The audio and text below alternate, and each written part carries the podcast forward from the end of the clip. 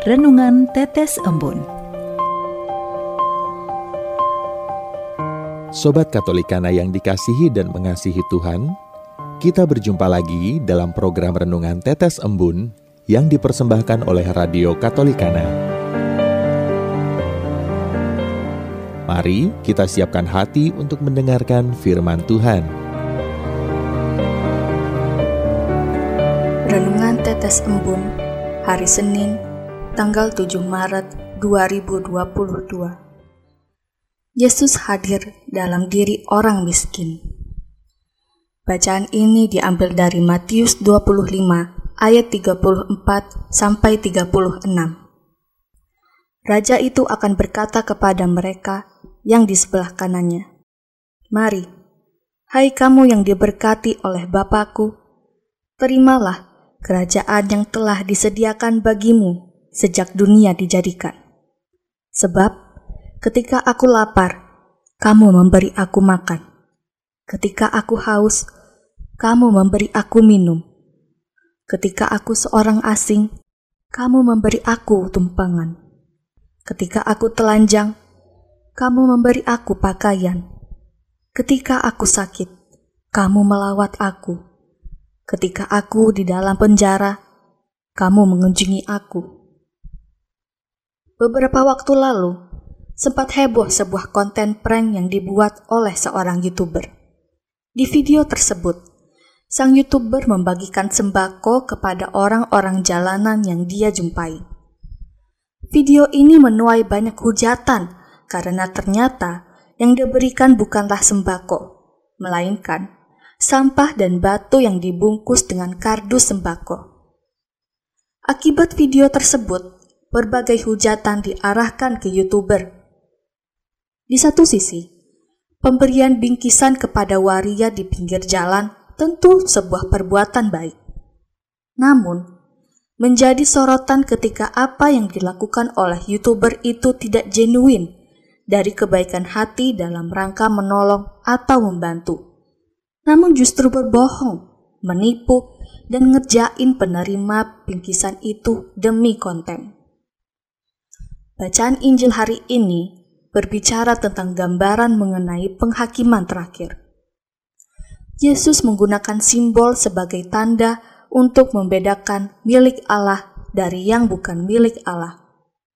Simbol domba mengacu kepada orang benar yang berbagian dalam kerajaan Allah sedangkan simbol kambing menggambarkan mereka yang terkutuk dan mengalami hukuman kekal. Kelompok orang benar akan menerima hadiah yang telah disediakan Allah bagi mereka.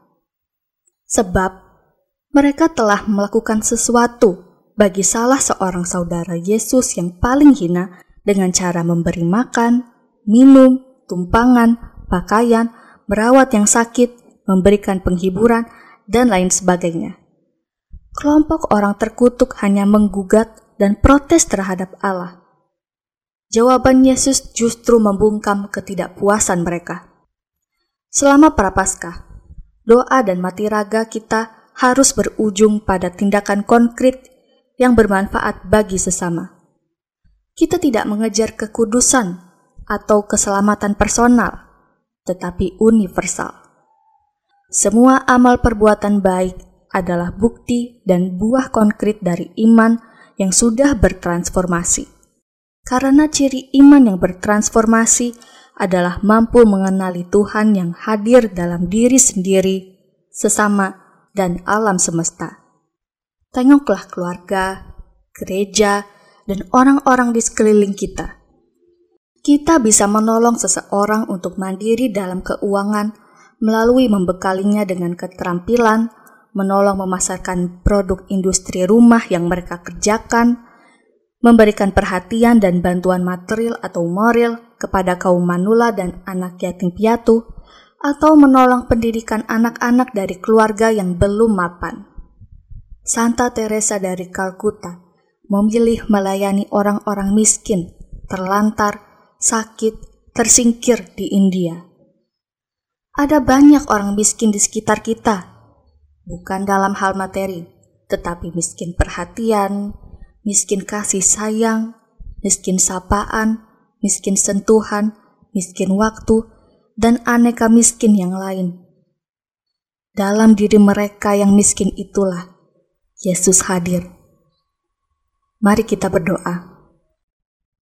Ya Tuhan, ampunilah aku yang sering lalai menemukan dan melayanimu yang hadir dalam diri sesama yang membutuhkan. Semoga pengampunanmu di masa prapaskah ini membangkitkan semangatku untuk semakin banyak berbuat baik kepada siapa saja di sekitarku. Amin.